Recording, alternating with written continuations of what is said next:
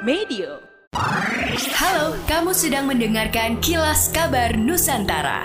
Podcast persembahan KG Radio Network menyajikan berita harian yang mengangkat keunikan dari berbagai wilayah Indonesia. Kilas Kabar Nusantara dapat juga didukung oleh pengiklan loh.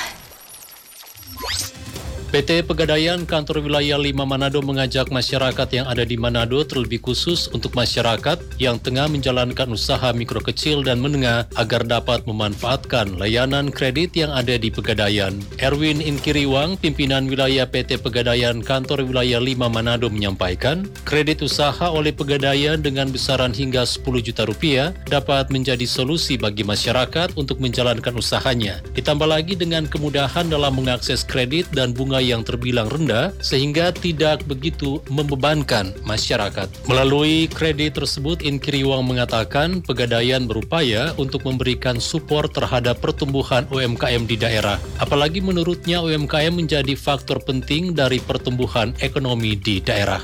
Warga Sulawesi Selatan tercatat masih berutang 1 triliun rupiah lebih pada perusahaan vintage atau yang akrab disebut pinjaman online atau pinjol. Utang tersebut berasal dari 359.430 akun pengguna di Sulawesi Selatan. Kepala Eksekutif Pengawas Perasuransian, Penjamin dan Dana Pensiun OJK, Ogi Prastomiono menyebut Jawa Barat menduduki peringkat pertama pengguna pinjol termasuk di Indonesia dengan nilai 13,8 triliun. Disusul Provinsi DKI Jakarta, Jawa Timur, dan Jawa Tengah. Ogi menyebut kondisi masih dalam batas aman, meski penyaluran kredit pinjol terbilang besar. Seperti yang terlihat masih rendahnya angka TWP 90. Ini merupakan tingkatan prestasi atau kelalaian penyelesaian kewajiban yang ada pada perjanjian pendanaan di atas 90 hari sejak tanggal jatuh tempo.